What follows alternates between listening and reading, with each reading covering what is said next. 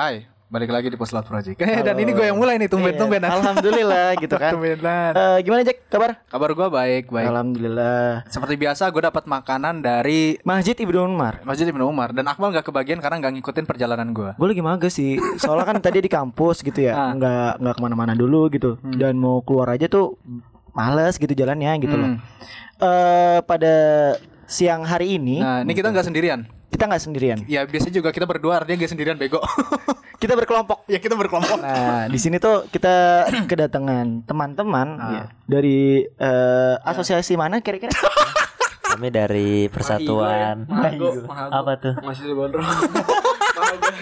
Himagon. Mahagoib. Iya. Bukan masih gondrong. Dari himpunan mahasiswa gondrong ya. Enggak, enggak bohong. Oh, enggak. Eh, ya teman kita juga dari UIN Jakarta. Ya, teman Ya, sekelas udah. Teman gitu sekelas aja. kita eh, yang mana kita nih ngeliat ini sebuah suatu hal yang asik gitu loh. Nah, Seringkali mereka ini, nah, mereka jangan dijabarkan dulu. Mereka ini gitu Ah. eh, terdiskreditkan oleh masyarakat, Anjir, sumpah masih gitu mendapatkan stigma stigma buruk oleh masyarakat dikarenakan penampilannya. Yo, yo, yo. Nah, Hmm. acap kali mereka dikira perempuan. Bayangkan gitu loh. Waktu jualan gue dipanggil Mbak. Jangan gitu. Eh, Lah, rambut lagi gue gerai nih. Eh. Karena emang gue terkenalnya dari belakang kelihatan kayak cewek kan. eh, Nah, Rambut lagi gue gerai. Gue lagi beli rokok di warung. Iya. Ih, Mbak, kok beli rokok? eh. Terus stigma dua tuh. Stigma dua ya kan ya? Stigma dua kan? Cewek ngerokok, Ah. dianggap negatif sama satu lagi. lu sebagai cewek. Ah. Gue sebagai cewek. Nah, eh, Rambut rambut panjang sebagai cewek. nah rambut panjang sebagai cewek kayak itu asosiasi-asosiasi yang kalau logika logikaan gue juga bingung tuh gimana tuh lupa tuh Eh, itu ituannya deh. Bener sepakat lo. eh jadi itu kenapa menurut kita isu ini eh, menarik untuk diangkat karena banyak sekali gitu setelah perubahan dari orde baru eh, ada perubahan budaya yang terjadi gitu. Mantap. Awalnya eh, kayak semisal stigma bor- eh, stigma rambut ini gitu gondrong gitu. Acap kali di, di dibilang tuh sebagai suatu hal yang dekat dengan kriminal dan lain-lain. Tapi sekarang di era 2000-an gitu itu adalah sebagai bentuk ekspresi diri gitu loh. Ya, ekspresi kebebasan. Ah. Kalau dari kalian-kalian ini ya teman-teman. Himagon gitu loh. Himagon, mahasiswa sumpah. gondrong. Itu, itu namanya bakal ini bercanda, Iya. bercanda, bukan ini bagus beneran. Ya, Ases- aja lah Himagon. Iya, aliansi mahasiswa gondrong gitu Agak ibarat berdua kata ya. gitu kan. Agak berdua gitu. Kay- kayak duo gitu cuy. Nah, nih kalau misalnya kalian tuh ngeliat eh oke gua memutuskan untuk memilih jalan gondrong tuh karena apa dan oke gue mau ngapain sih gondrong gitu. Hmm. Dari mana nih? Dari gua kali lu Ya, ya. coba dari lu dulu, Fik. Jadi gua sendiri emang gue ceritanya nggak apa-apa kali ya. Iya. Hmm. Jadi emang dari SMA itu gue emang punya obsesi parah sih, pengen Hmm. punya rambut yang panjang gitu kan. Iya. Hmm. Kayak keren gitu ya, nih. kayak hidupnya wah sabi nih rambut panjang Iya. gini, gini segala macam. Sampai akhirnya gue lulus SMA, kuliah kan. Gue kira media di kampus ini tuh bisa jadi media buat gue maksudnya kan. Iya. Buat ngelepasin rambut gue gini maksudnya kan. Buat kayak Lu botak gitu ngapain Enggak, rambut gue tuh pengen gue, uh bebasin tuh, Oh, panjang gitu. apa ya udah terlalu gitu kan. Ah, terus ternyata datang deh tuh nih kabar-kabar burung kan sekarang kode etik mulai digalakin gini-gini segala macam tapi emang ini harus gua katakan Hmm. jadi jujur aja sebenarnya di kampus gue ini pernah ada sebuah kasus yang di mana beberapa mahasiswa di sebuah kasus lah ya pokoknya Hmm. eh, berhubungan dengan rambut. Rambut. Ya dengan narkoba. ya Ah, Ya, sebut aja apa dah. Nabza nabza. Kita pernah Iya, bahas narko, nabza coy. kok. Narko coy. Narko. dan kebetulan beberapa dari mereka itu segelintir dari mereka itu gondrong Ah. itu pas gue semester 3 kira-kira 2008 Iya. 2018 ya masih SD. Berarti ini mengukuhkan bahwasanya tuh makin strict lah kampus ini gitu. makin sedikit ya kan nah terus Hmm. Nah semenjak dari situ tuh kayak ketangkep kan eh ketangkep kan, ya kan. Ah. Terus dari situ kebetulan karena yang kebetulan yang ditangkap ini eh, beberapa ada yang gondrong, besok besoknya gua sama gua sih kebetulan waktu itu kan gua udah Ah. denger rambut mulai digalak-galak ini yang panjang-panjang nih. Waduh. Emang sebelumnya ini dari Win ini emang udah ada kode etik. Ah. Kode etik masalah kode etik kalau misalkan rambut ini nggak boleh panjang kan. Oke. Cuman nggak segalak ini. Mm-mm. Nah ini gue ngeliat kok digalakin sih sekarang gini-gini segala macam Iya. sampai akhirnya eh, ada pokoknya salah satu guru salah satu dosen juga nggak tahu negor gua kan suruh potong gini gini nah gue mikir ini masa framing dari yang Udah-udah kemarin-kemarin gitu udah kan. udah kok jadi gara-gara gondrong ya sih dan semuanya Hmm. yang gondrong yang gak ada masalah jadi kena juga Nah. dari situ gue mulai bingung tuh Nah kalau Jack nih Jack, gue mau nanya nih Mantap. sama lo nih Jack. Ini selaku ini komplotan rambut pendek. Iya, kita eh, asosiasi rambut pendek, Ah, ARP. ARP. Gak lu pernah gondrong juga sih. Gue pernah, dia pernah. Gue Siapa pernah? Gue berada, gue waktu itu pernah gondrong dan gue ngerasa, oke ini gue adalah media yang paling mudah untuk menyampaikan aspirasi gue gitu. Namun nyatanya gitu loh, gue nggak kuat gitu loh. Nah iya bentar. Oh iya lupa sampai di aspirasi ini. Hmm. Gue punya pendapat sedikit sih. Gimana Jadi tuh? nggak semuanya sih. Sebenarnya menurut gue nggak semuanya sih uh, orang-orang yang memutuskan untuk memanjangkan rambut ini bertujuan buat mengaspirasikan dirinya kan. Nah, Dia kayak si Kikil kayaknya ke bawah suasana dia. nggak semua Jangan orang juga sih menurut gue uh, pengen uh, mengekspresikan dirinya. Kalau gue tuh panjang gini, rambut gue adalah representasi gue gitu. Menurut gue nggak semuanya karena Hmm. gue sendiri ini kalau gue ini rambut kayak ya udah gue pengen gue jaga rapih dan gue nggak mau kelihatan urakan gitu Hmm. kayak yang biasanya itu kan sebenarnya kan eh, stigma dari rambut-rambut gondrong ini kan karena terkesan urakan ya Iya. dan di kampus ini kenapa nggak boleh kelihatan gondrong karena kan dibilang katanya nggak rapi Hmm. dan menurut gue kenapa yang dinilai nggak rapi ini karena kebiasaan mayoritas orang-orang rambut gondrong ini Digerai. males kelihatan rapi iya Hmm, digerai oke. gini-gini ya itu yang tadi gue bilang dia pengen eh, ngekspresiin dirinya biar kelihatan gue nih gondrong gue punya Gua nih eh, pemberontak prinsip lah gitu. gue berontak Hmm, oke, oke, oke. Rambut gua cocok lah ya pakai Nah, sunsilk lah. Ah, deh. oke. Ya, dan menurut gue sebenarnya yang harus dilarang itu Ah. Ya yang kayak begitu Hmm. Hmm. dia yang menurut gue yang kurang tahu segmen sih Ah, Tahu oke. segmen. kurang tahu segmen karena kan seharusnya kan di kampus ini kan di institusi legal, Pendidikan maksudnya gitu institusi pendidikan ini kan kayak oke lah kalau misalnya nggak boleh gondrong setidaknya gue harus kelihatan rapi gitu ya Oke. kalau misalnya gue punya rambut panjang ya udah gue ikat gitu lah ya.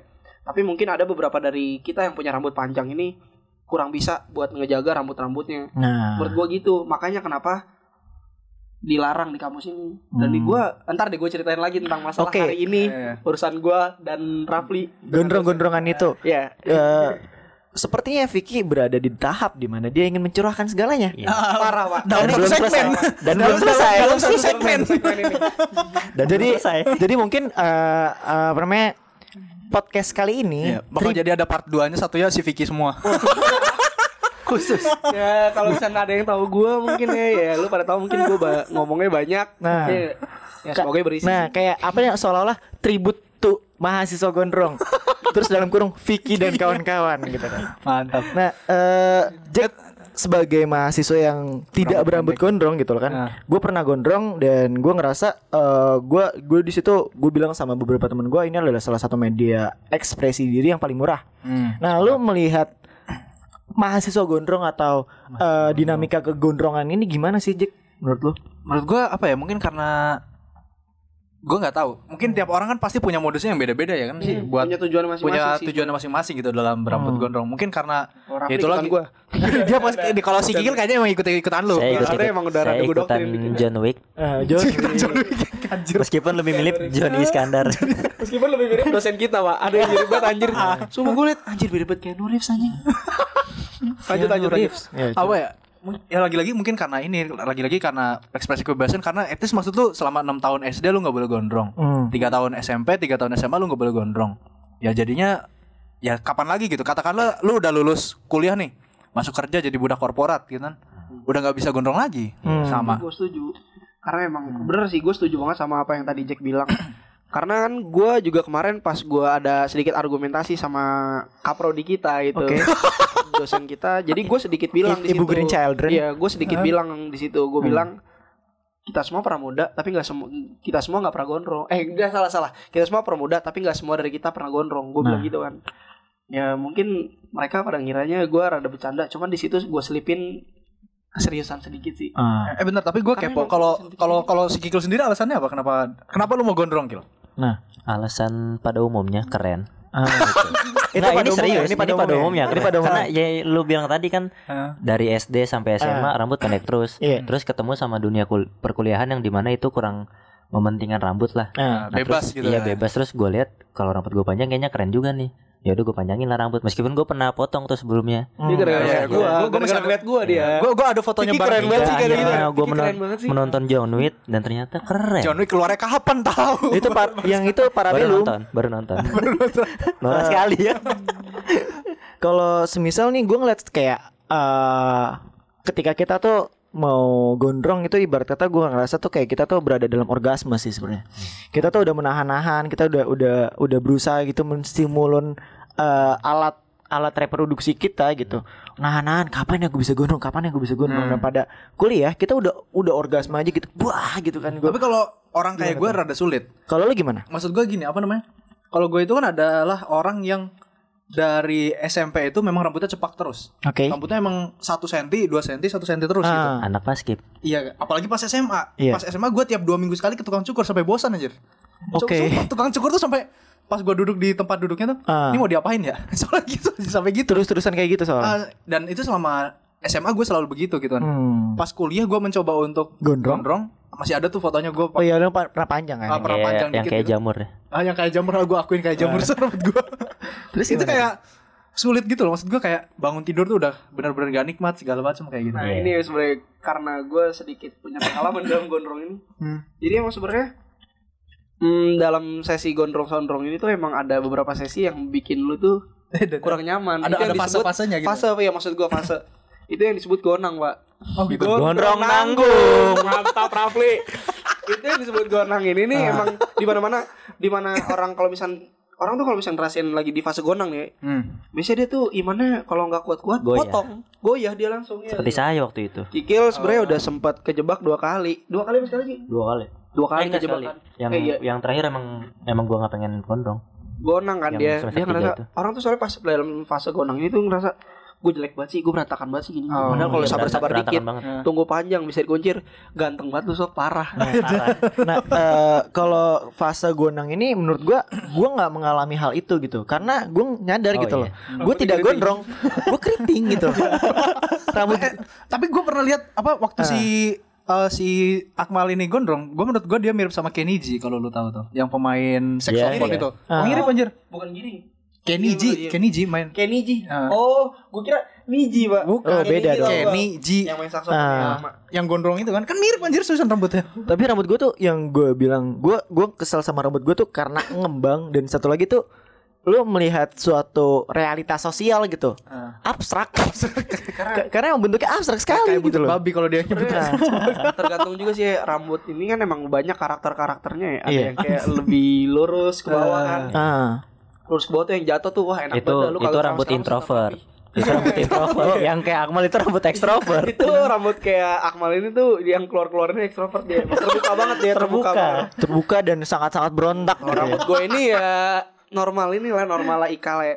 Bisa ekstrovert, bisa introvert. Gitu lah Bang. Eh, coba kita alihkan ini sebagai sebuah konteks ko- kultural gitu loh Eh, atau mungkin konteks yang historis gitu kita melihat bahwa sebenarnya tuh eh, stigma gondrong itu bukan stigma yang dibuat oke eh, dalam satu dua tahun tapi adalah stigma yang dibuat oleh suatu orde atau rezim gitu kan. Eh, di mana waktu itu kan pas orde baru kan sering kali kita melihat gondrong tuh diasosiasikan diasosiasikan sebagai suatu hal yang kriminal gitu. Gue pernah bikin salah satu proposal penelitian itu eh, tentang ngebahas gondrong dan nilai kebanggaan.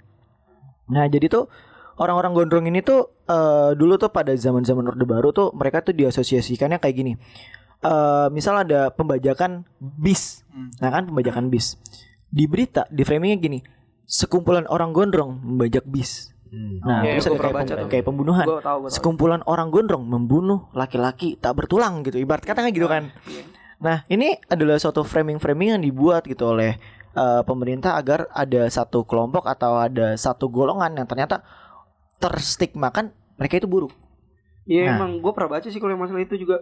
Makanya ada buku dilarang gondrong dari Arya ya kalau nggak salah ya, yang dia pokoknya dari dari dari skripsi kalau nggak salah Ah. yang sejarah dia nulis di situ tentang kayak dilarang gondrong gitu deh. Itu juga sama di situ jelasin juga. Hmm. Intinya kayak pemerintah ini ngekonstruk masyarakat bahwa kalau misalnya sebenarnya itu anak-anak yang gondrong itu adalah lu kriminal. Hmm. Makanya di situ waktu pas orde baru itu sempat dibikin Bakoperago namanya.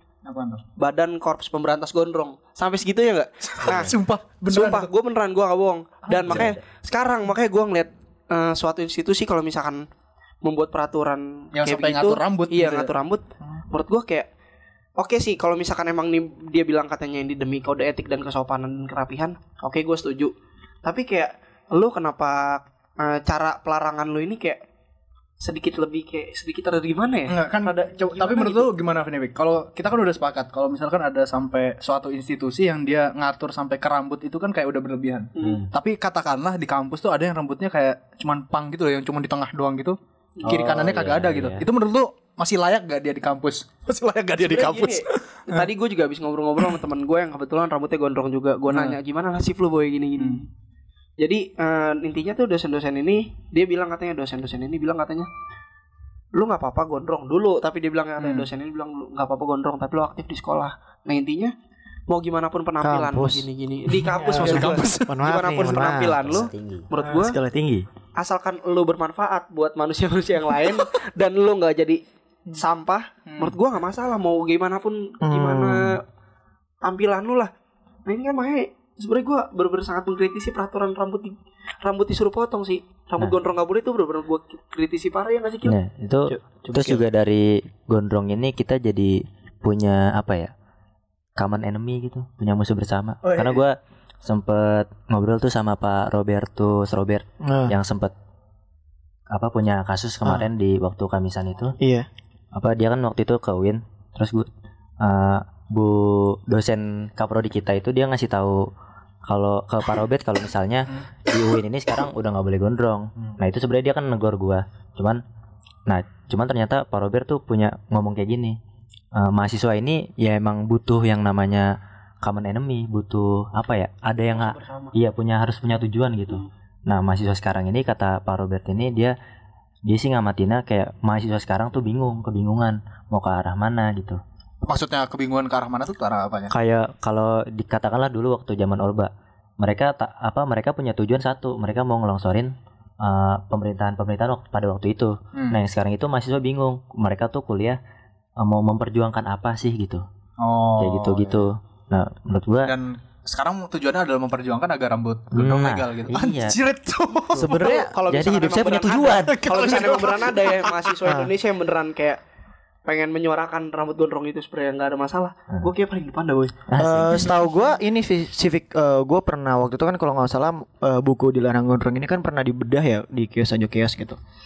Kalau nggak salah tuh ada di mahasiswa eh, Universitas Pembangunan mereka punya aliansinya loh. emang iya Mereka punya aliansi gitu. Eh gua nggak datang di diskusinya. Setahu gua mereka punya aliansi di mana mereka menyuarakan bahwa eh gondrong ini adalah suatu kayak misal gondrong ini adalah minoritas loh. Gak semua orang bisa gondrong loh. ya gue setuju kalau itu Nah, lu setuju kan kayak gitu? Iya, iya, semangat. cara apa sih biar kita kuat gitu loh ya salah satunya adalah berjejaring bikin komunitas bikin eh, tujuan-tujuan tertentu gitu loh agar ide-ide kita tuh tidak tergerus oleh zaman apalagi tergerus oleh dosen Tapi ini apa? Gue kebayang kalau misalkan sampai di UIN ada asosiasi rambut gondrong gitu. oke Ih, Terus lu misalkan ngadain seminar gitu sebenarnya Harus. cara cara menumpas minggu depan bikin. Gak tau sih cara menumpas rambut bercabang gitu seminar lu tuh dulu gitu. Jadi habis seminar go- rambut gondrong ada ini kelas salon. Mungkin kalau misalkan di Universitas Pembangunan emang ada asosiasinya itu yang berbasis formal mungkin sampai dibikin gitu kan ya organisasi.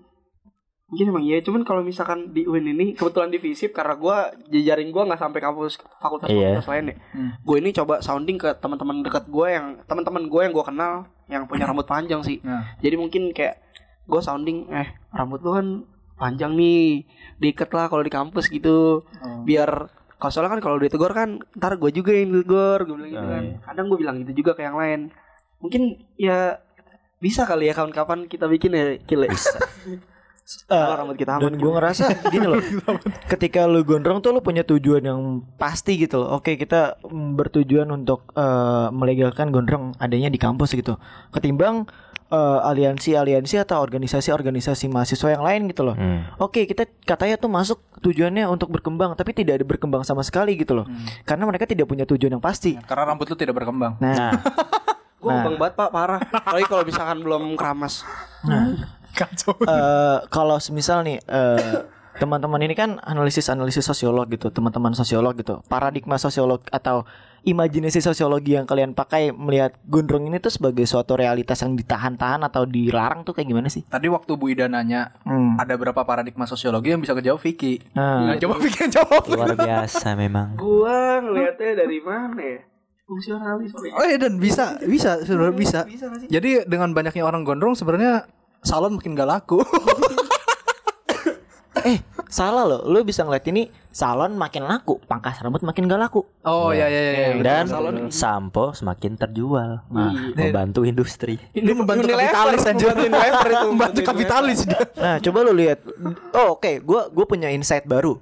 Gue punya temen salah satu di UI gitu kan. Eh dia awalnya gondrong dan tiba-tiba rambutnya pendek gitu kan. Ditanyain sama temen gua gini, "Lu kenapa lu rambut lu eh, kok potong sih?" gitu. Iya, karena gua motong eh karena ketika rambut gua gondrong itu akan memakai sampo yang lebih banyak.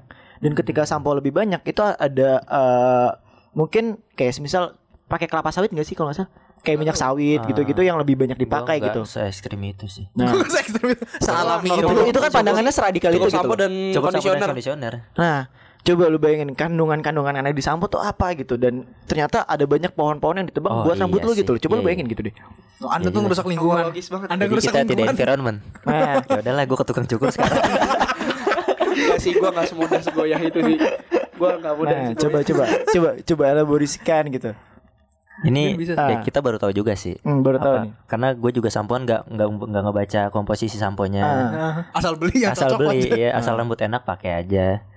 Ya cuman mungkin balik lagi kalau dilawan gitu kan Iya. rambut gondrong terus kita beli sampo terus beli Ah. conditioner terus artinya kita memberi uang kepada kapitalis-kapitalis Hmm. yang ngejual sampo Ini ngeliatnya pakai paradigma konflik ini. Pakai paradigma uang-uang konflik. ini dikasih ke pekerja mereka Ah. kami mensejahterakan buru-buru pabrik sampo Nah, kayak gitu kan Kalau kadang-kadang paradigma konflik ngeliatnya ini yang Ah. mahasiswa sama dosen contohnya. gimana tuh Jack? Ya itu tadi apa maksudnya jadi ada Ada konflik eh, ada dialektika yang bermain di ah, situ gitu, ada dialektika bermain. Dosen nuntut mahasiswanya berprestasi dan rapi. Nah, Mahasiswanya bodo amat loh, gitu loh. nah, Sementara kalau misalnya dosen menuntut itu gimana kalau misalnya saya menawarkan kami dan Rafli saya dan Rafli menawarkan rambut gondrong tapi berprestasi gimana tuh.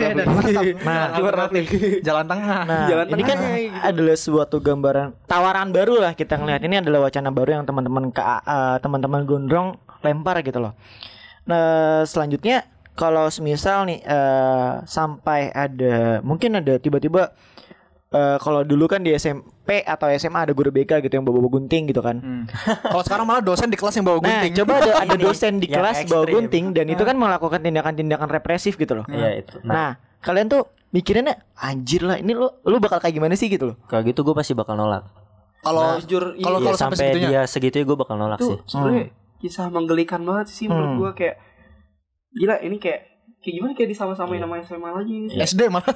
SD kayak Hmm. lu rambut panjang dikit bawa bawa gunting bawa bawa gunting Gunting. gitu segala macam Hmm. itu kayak ya gitu dah pokoknya dah. Jadi kayak kan mereka gimana ya eh, dosen ini kan mereka punya kekuasaan atas nilai mahasiswa. Iya. Jadi mereka udah punya pegangan satu, terus mereka tetap mau ngeberantas rambut-rambut dengan gunting, maksudnya agak bukan agak sih berlebihan banget sih itu. Nah, Menurut Iya saya sih seperti itu. tadi soalnya sempet kan mereka eh dosen-dosen ini pada bilang kan ntar besok tolong bawa ntar kita panggilin bu ini loh ntar mereka pada bawa gunting Iya, gini gini gini gini ancaman-ancaman.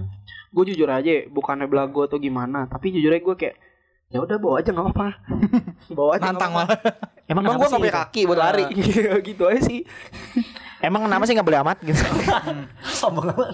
nah, eh, selanjutnya kalau gue Iya sih, apa Coba, maksud gua gimana, ini apa namanya? Waktu SD jangan kan rambut kuku aja juga diatur kan. Iya, buku. Abis upacara lu disuruh nunjukin jari lu terus dikeplakin pakai penggaris gitu. garis kayu lagi Pakai penggaris kayu. Ah, gue dulu ngalamin tuh masa-masa gitu. Maksud gua kalau misalkan sampai tingkat dosen gitu, masih ngatur rambut dan kuku gitu katakan Rada gua menggelikan sih terlalu menggelikan dan kayaknya udah bisa di maksudnya gini, lu kan udah gede, udah udah bisa ngurus diri lu sendiri gitu. Kita gitu sebagai Iya. mahasiswa.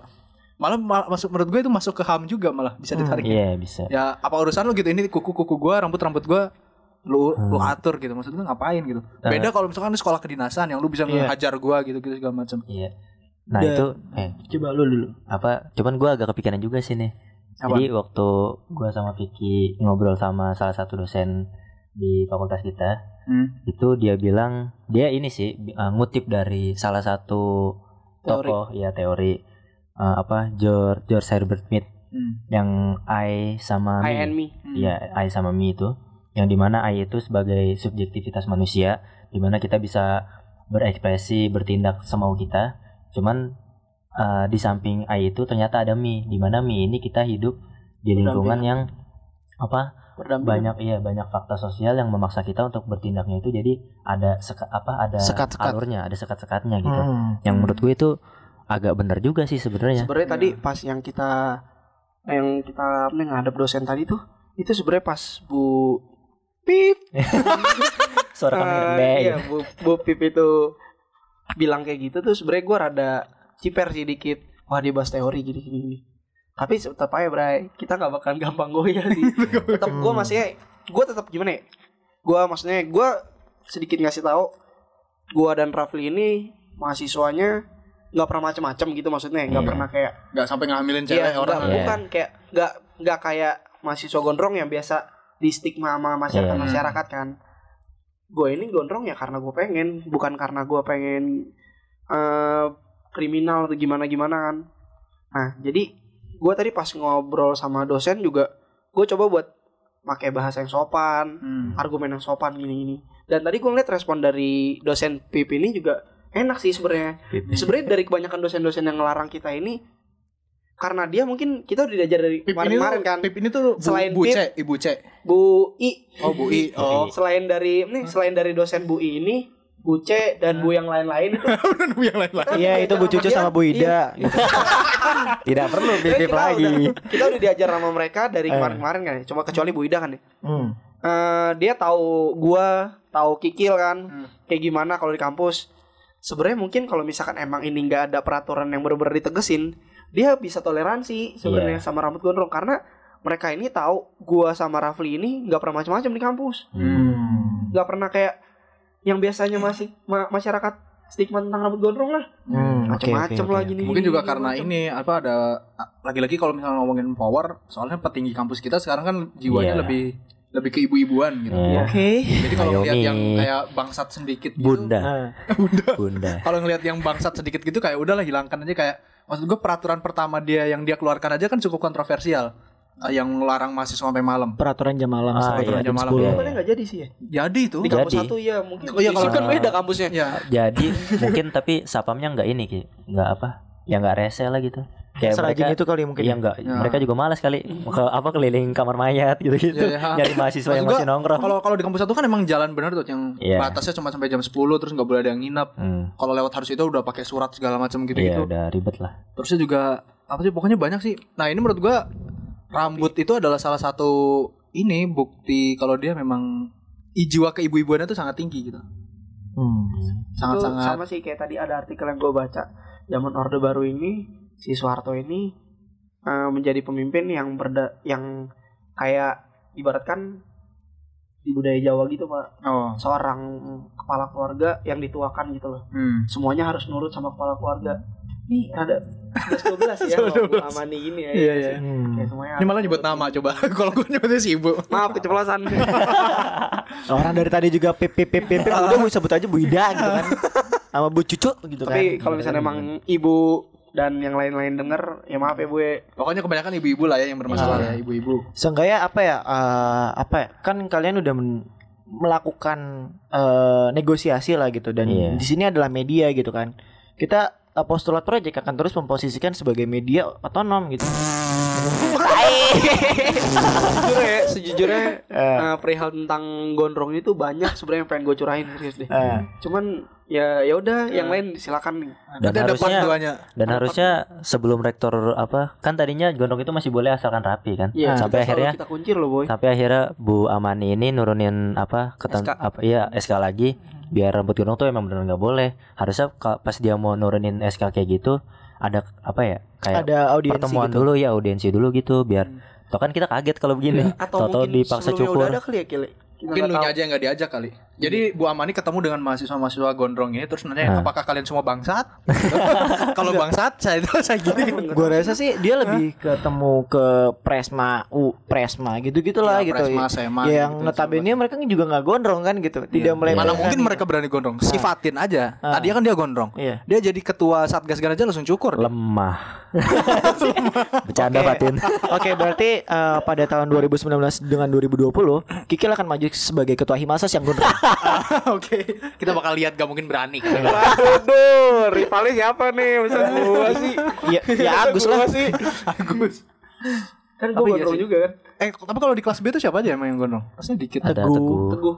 Teguh. Mesa juga sebenarnya udah udah masuk gondrong sih Mesa. Teguh terus Keba Aldo Aldo. Oh iya. udah, ada. udah itu Udah doang. itu dong. Tapi iya sih.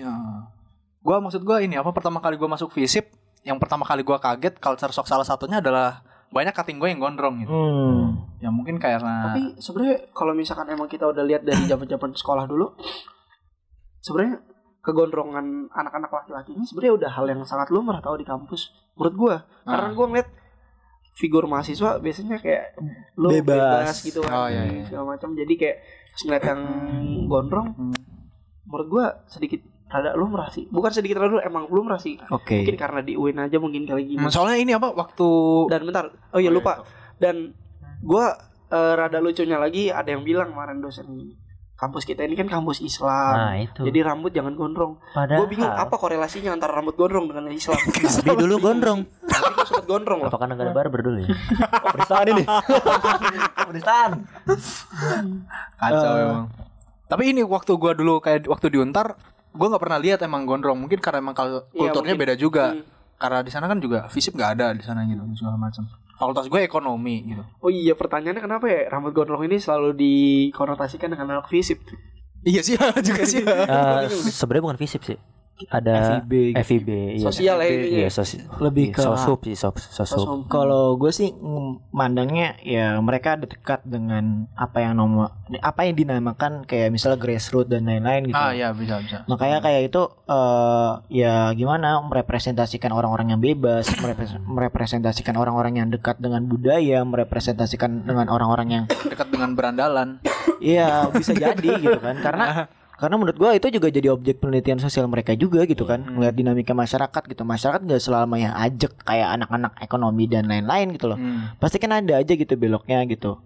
Dan gua sih jujur ya, gua gua gua akan seneng gitu. Ketika teman-teman gondrong ini tuh ngebuat aliansi sih satu satu aliansi Terus dan jadi apa? Jadi partai gitu. enggak Ya mereka jelas, maju Di kita. sebuah wadah aja gitu. mereka bikin campaign Oh bikin campaign. di kampus kita itu kekurangan campaign.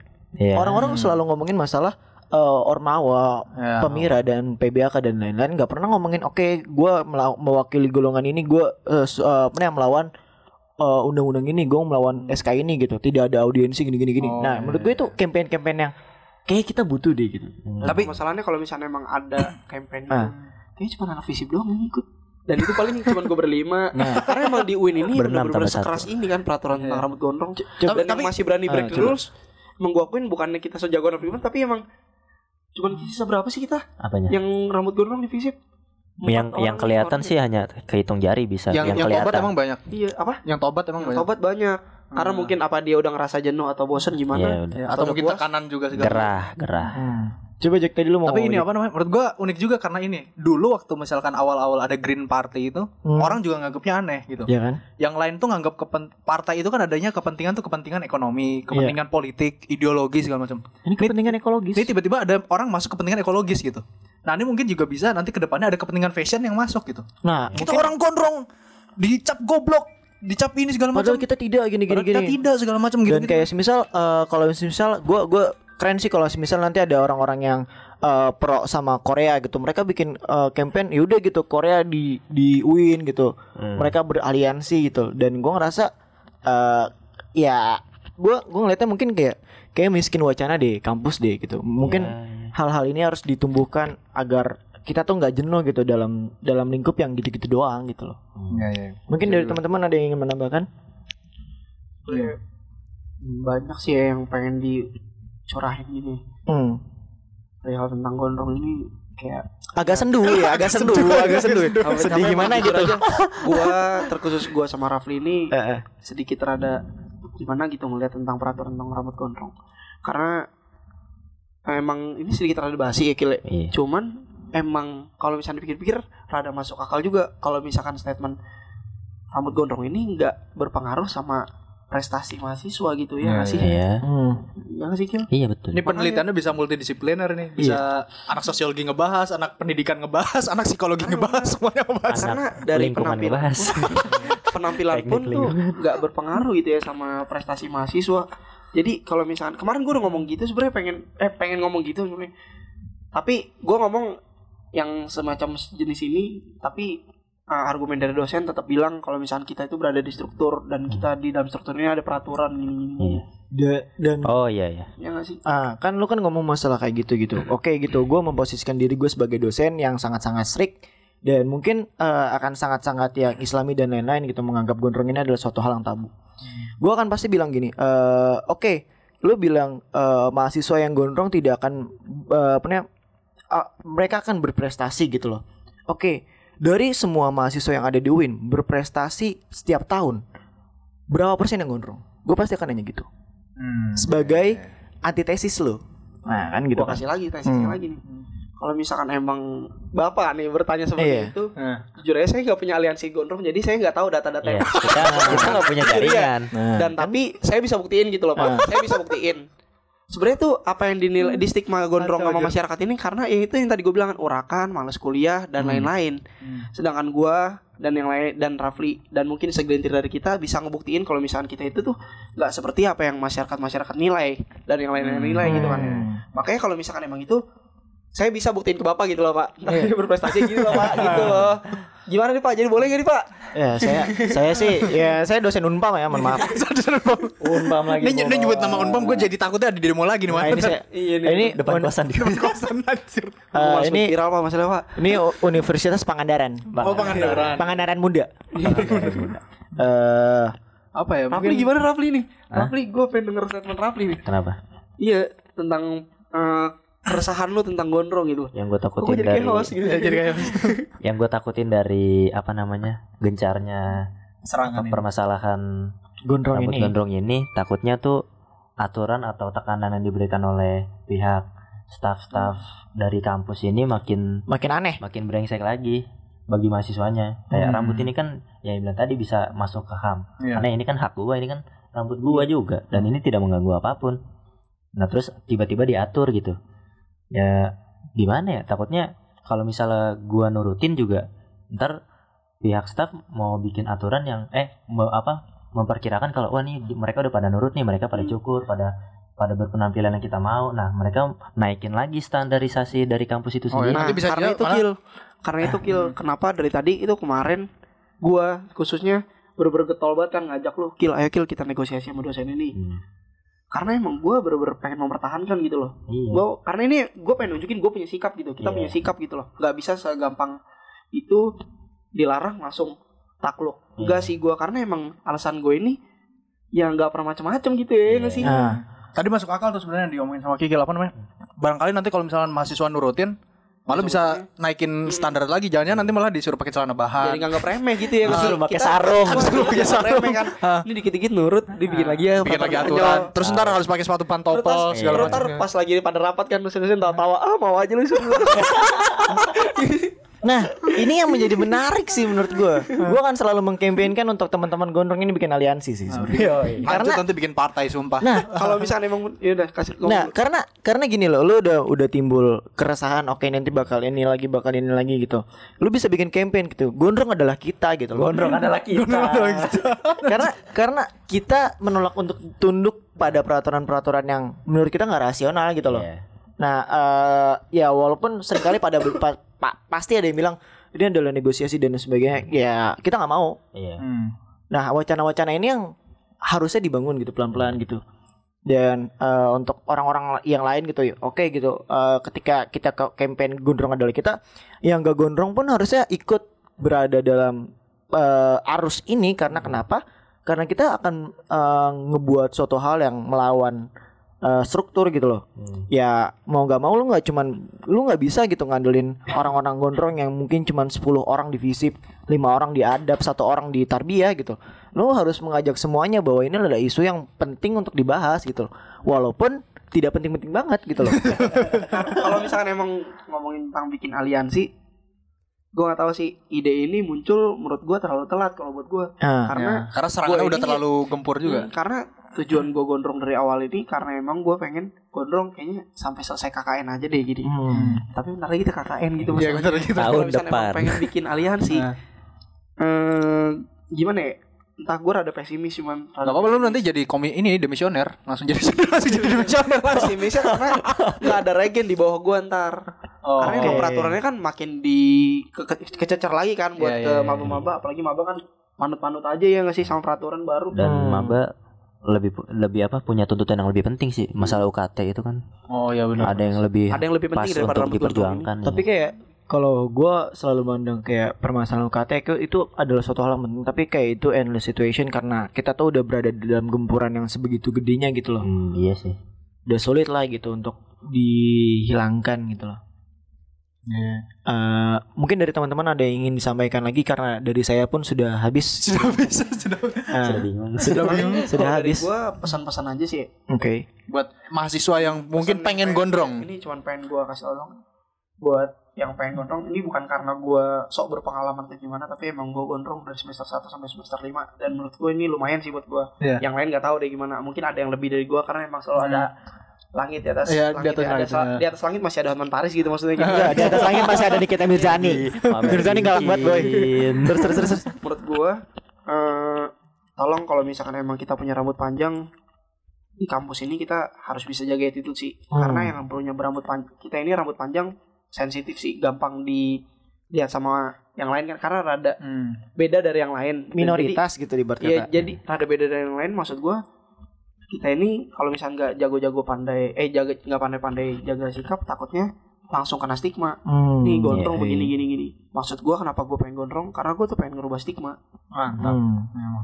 Melawan sistem dan Itu. melawan stigma. Hmm. Mantap. membawa misi yang sangat-sangat Mulia. hmm. insya Allah Melawan ini apa sangat mulia sampai melawan ini apa me- mencari kitab suci. Wah, Sumpah, efek-efek senggokong sinting. Eh, buat, sobat Tom Sancong buat para apaan tuh Tom Sancong Nama biksunya. tahu gue aja ya lanjut terus eh, buat para maba-maba juga mungkin kalau misalnya punya rambut panjang lo harus punya prinsip juga sih menurut gue iya. Prinsipnya ini oke kalau misalnya emang lo pengen mengekspresikan diri lo rambut panjang ya boleh. Cuman eh, yang sedikit rada gue takutin ini lo ini menurut gue ya lo ini tuh ibaratkan baru keluar dari kandang yaitu SMA yang dari banyak banget peraturan-peraturan salah satunya adalah nggak boleh punya rambut panjang dan di kampus ini lo bisa meluapkannya. Dan tolong eh, di kampus kita tetap kuncir deh atau enggak pakai Hmm. Bandol ya biar kelihatan Iya, tetap rapi iya. gitu Ada tanggung Karena- jawab di iya. setiap pilihan yang lu ambil ya. karena emang kalau misalnya lo punya gondrong kita tetap harus gimana ya tetap harus tahu menjaga segmen etika juga gitu sih menurut Ya, gua tahu segmen, paham. gue ngomong tahu segmen ini bukan gimana gimana maksudnya ntar lu pada ngira lu bilang tahu segmen gini tapi di kampus tetap punya rambut gondrong oke kalau misalnya lu bilang gitu meskipun gue punya rambut gondrong di samping itu gue tetap tetap memperdulikan penampilan gue gitu maksudnya. Gue tetap pengen kelihatan rapi yaitu contohnya kalau misalnya di kelas atau di kampus gue kuncir. Hmm. karena itu gue nggak mau gue benar-benar menghindari kesan urakan dari anak-anak yang biasa bilang gitu maksudnya.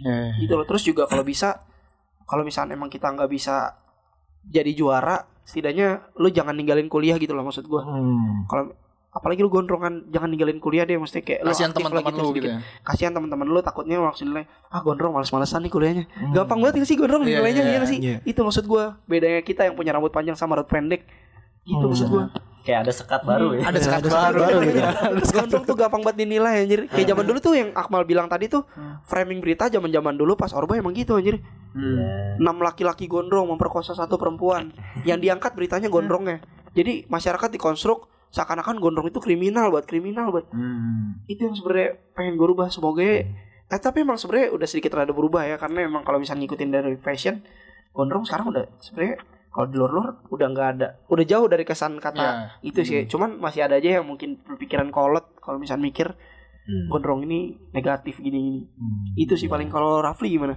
ya stigma tadi itu ya agak susah sih sebenarnya emang Eh, karena yang idealnya tadi kan gondrong itu dijelasin sama Akmal gimana orang-orang soshum eh, apa mengekspresikan dirinya tapi kemudian di framing oleh media oleh ya kekuasaan-kekuasaan zaman dulu zaman dulu Zaman dulu. seolah-olah itu zaman baru itu.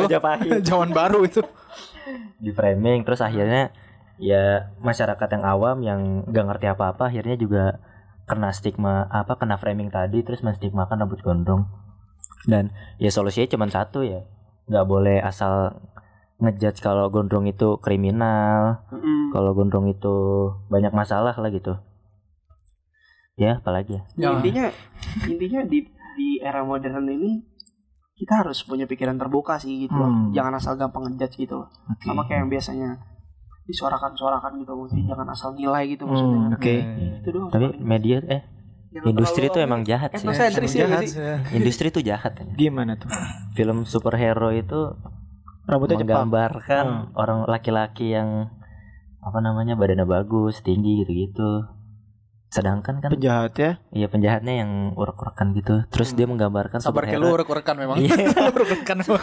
menggambarkan superhero yang laki-laki itu yang bodinya bagus gitu-gitu. Iya, iya. iya. Terus bagaimana dengan laki-laki yang berbadan besar, berkulit Buncit. hitam, Jadi penguin. buncit? Iya. Hmm. Kan Jadi penguin. Di terus- Batman, bikin iya, Batman jadi terus penguin. perempuan perempuan apa iklan-iklan kecantikan itu apa Nge-framing perempuan gitu perempuan iya perempuan berkulit putih berarti cantik gitu-gitu. Emang Memang apa ya? Industri akan selalu menciptakan standar yang menurut mereka ideal dan Iya. akan menuntut orang-orang tuh mengikuti standar-standarnya yang mereka buat gitu loh. Ini memang pembahasan kita saat ini sangat mantap gitu ya. Sangat mantap. Sebelum diakhirin sebenarnya gue masih pengen lempar isu lagi sih. Nanti Pengen ada lempar part 2 nya tenang pertanyaan aja. lagi sih. Dan part 2 nya. Tapi kenapa sih anak-anak IPS, anak-anak soshum tuh selalu dikonotasikan gondrong sedangkan anak-anak IPA tuh kayak rapi-rapi gitu. Hmm, iya. Lu pada ngerti? Pada Mungkin mungkin segmen mungkin ngeliatnya karena ini juga sih segmentasi Durasi pekerjaannya. ya? Oh. Seg- enggak bukan bukan karena durasi. Durasi mah santai aja 2 jam juga santai. Sebenarnya santai gitu loh. Enggak maksud gua kayak mungkin kalau lulusan anak IPA kan dia kebanyakan kayak jadi dokter, dokter lu tahu tampilannya kayak gimana. Terus kayak arsitek, insinyur lu tahu sendiri tampilannya kayak gimana gitu kan. Tapi kalau anak soshum katakanlah kita ambil yang ekstrim gitu. Jadi seniman, jadi tukang bikin candi atau apa gitu segala macam. atau, atau segala macam. Kuli, maksudnya kuli.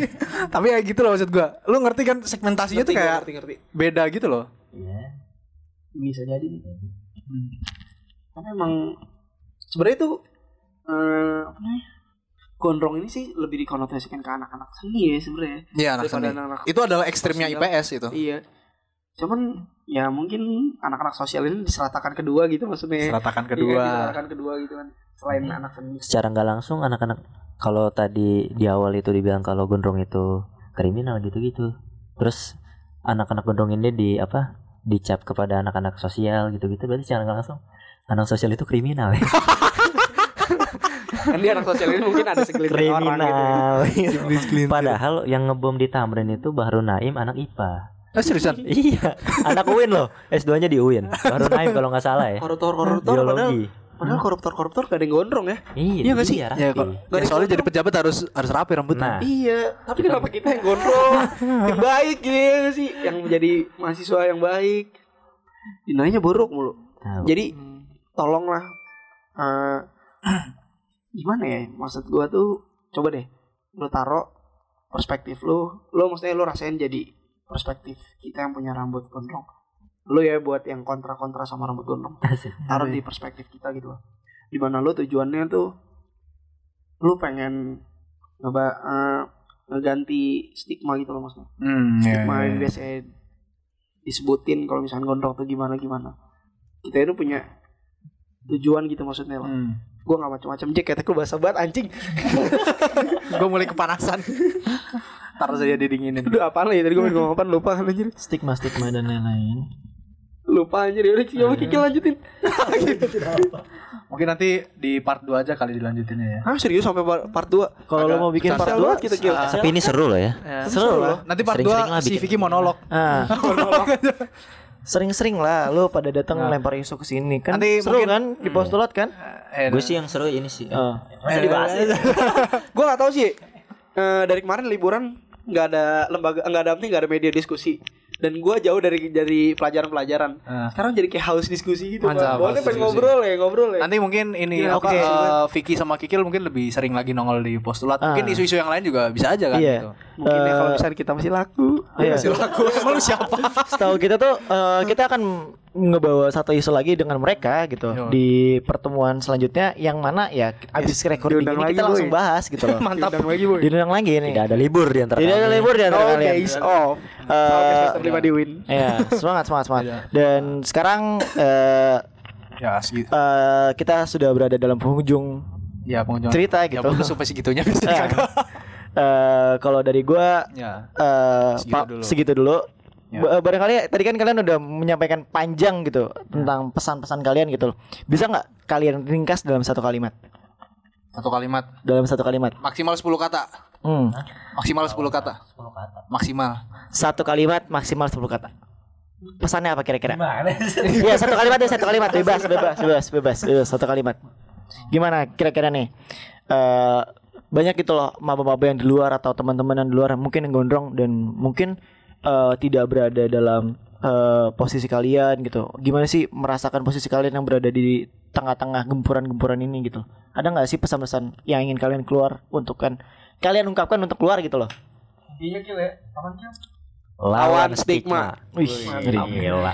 Eh. Mungkin Gua Akmal pamit. Gua ajak juga pamit. Bye. Gue juga pamit ya. Iya, Iya bye. iya iya Bye. iya.